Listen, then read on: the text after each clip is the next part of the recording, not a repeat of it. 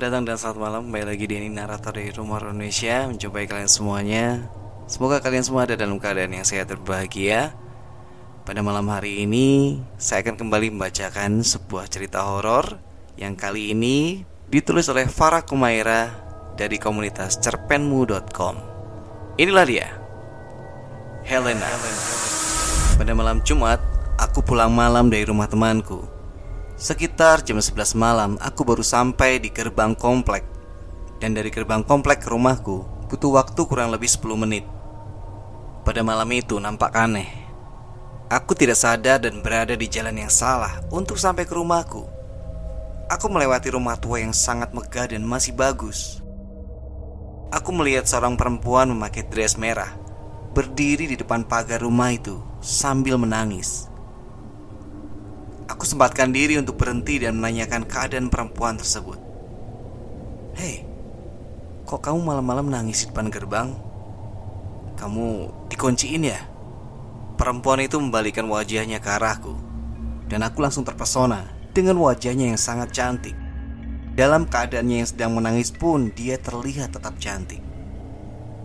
Helena namanya, dan dia memelukku, lalu menceritakan masalahnya bahwa dia sangat sedih karena kini dia sudah tidak dianggap lagi anak oleh orang tuanya.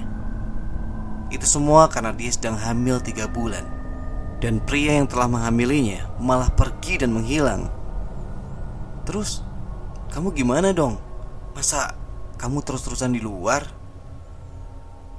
Aku mau di sini saja sampai orang tuaku bukain pintu gerbang ini buat aku. Kamu ikut aja ke rumah aku Besok pagi aku anterin pulang, kataku. Terima kasih, tapi aku mau di sini saja. Tapi ini udah malam banget loh. Nanti kamu kenapa-kenapa?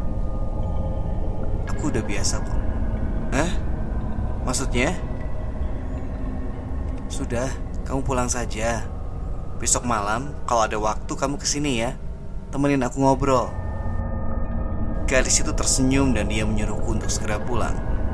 Mamaku juga sudah berkali-kali menelpon untuk segera pulang. Maklum, aku ini anak semata wayang yang pastinya aku sangat dimanjakan. Sesampai di rumah, aku langsung tertidur pulas. Aku sangat lelah dan tubuhku terasa remuk seperti habis main pukul-pukulan. Keesokan harinya, aku buat alasan untuk mamaku. Aku akan kerja kelompok di rumah temanku lagi, dan mamaku mengizinkannya. Jam 8 malam aku pergi ke rumah tua itu tapi tidak nampak perempuan cantik yang kemarin aku lihat. Lalu aku pergi ke rumah temanku yang dekat dari sana. Eh, lo lang, ngapain kemari? Kan tugasnya udah kelar. Kata temanku. Gue mau main aja ke rumah lo. Emang gak boleh? Boleh lah, sini masuk. Aku berbincang-bincang dengan temanku sampai lupa waktu. Ketika aku melihat jam, sudah menunjukkan jam setengah 12. Aku langsung lekas pulang. Bukan pulang, tapi maksudku ke rumah tua itu untuk memastikan perempuan itu ada atau tidak. Dan ternyata ada. Dia masih memakai dress merah sambil duduk di depan gerbang. Ketika aku datang, nampak senyumnya menyambut kedatanganku. Tadi aku lewat sini, tapi kamu belum ada. Perempuan itu hanya tersenyum sambil memainkan rambut panjangnya yang sangat indah. Oh iya, kamu sudah makan belum? Tanyaku. Sudah kok, kalau kamu, dia ganti bertanya. Udah, tadi di rumah. Oh iya, kemarin kamu sampai jam berapa dikunciinnya? Dia menjawab, Papa Mama belum bukakan pintunya untuk aku. Nah, terus kamu ke mana? Ke rumah teman kamu ya? Perempuan itu hanya tersenyum. Kamu masih sekolah ya? Iya, aku kelas 2 SMA. Kalau kamu? Perempuan itu tersenyum lagi. Kita berbeda sangat jauh. Beda. Beda umur maksud kamu.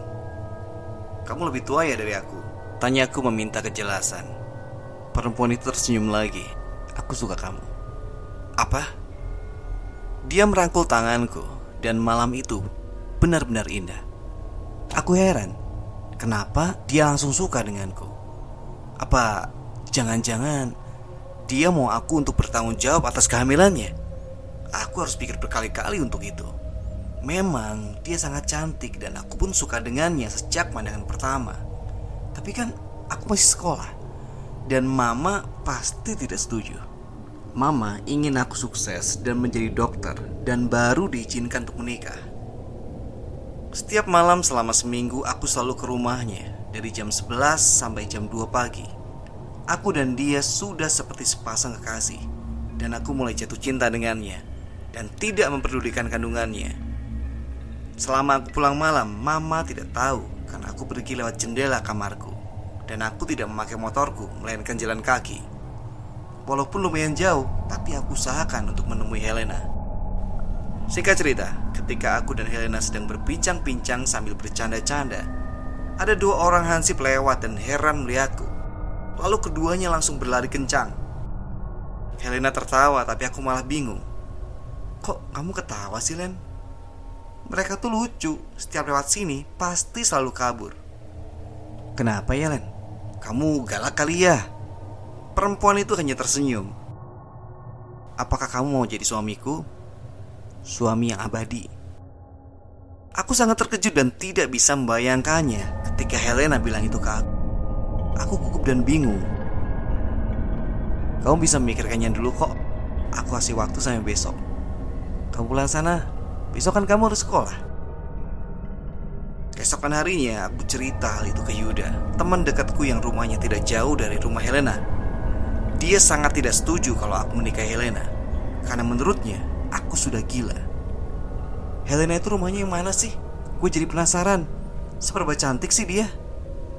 Rumahnya pas belokan Yang mau ke rumah lu Rumahnya sih kelihatan tua Tapi bagus dan gede banget Helena orangnya tajir banget kali ya Hah? Serius loh? Itu rumahnya? Muka Yuda shock dan sedikit pucat Iya, kenapa lo Yud sampai segitunya? Lo jangan kaget ya, kata Yuda Kalau gue ceritain tentang Helena Lanjutnya Yuda menceritakan sebenarnya ke aku Kalau rumah itu sudah lama tidak terisi Rumah itu memang rumah tua dan dulunya Helena serta orang tuanya tinggal di sana. Tapi orang tua Helena pindah setelah Helena meninggal karena bunuh diri di depan rumahnya. Helena sengaja menabrakkan dirinya ke sebuah mobil tepat pada pukul 11 malam. Helena depresi karena dia hamil dan orang tuanya sangat marah sampai dia tidak diakui anak lagi. Yang lebih kasihan, pria yang menghamilinya pergi entah ke mana. Aku lemas setelah mendengarkan cerita Yuda Aku rasa ini nggak mungkin terjadi. Selama ini aku berbicara dengan hantu dan aku pun pernah dipeluk sama hantu. Tak tahu kenapa aku menangis dengan perasaan yang kacau balau. Aku pulang dan langsung memeluk mamaku. Aku berjanji padanya tidak akan lagi pergi atau pulang malam. Selepas beberapa hari, tidak sadar aku melewati rumah itu bersama papaku pada siang hari sepulang dari rumah nenekku. Pertamanya aku tidak berani menengok ke arah rumah tua itu Tapi aku penasaran lalu aku sedikit mengintipnya dengan mata setengah tertutup Dan aku benar-benar terkejut Pada saat itu penampilan rumah tua itu sangat tidak terawat Dan banyak rumput liar yang menutupi sebagian jalanannya Lalu aku berusaha untuk tetap rileks Ketika mobilku kira-kira sudah jauh melewati rumah tua itu Aku masih penasaran dengan rumah tua itu Lalu aku melihat dari kaca spion mobilku untuk melihat rumah tua itu. Lalu nampaklah Helena dengan gaun merahnya sambil menggerakkan tangan, mengisyaratkan untuk aku menghampirinya. Oke, sekian dulu cerita horor kita di malam hari ini. Terima kasih kalian sudah mendengarin sampai akhir. Kalau kalian punya cerita mistis atau pengalaman mistis, kirim ke denny.tristanto1104 gmail.com Kita akan bacain cerita kalian di sana. Semoga kalian terhibur dengan cerita tadi. Selamat malam, selamat beristirahat.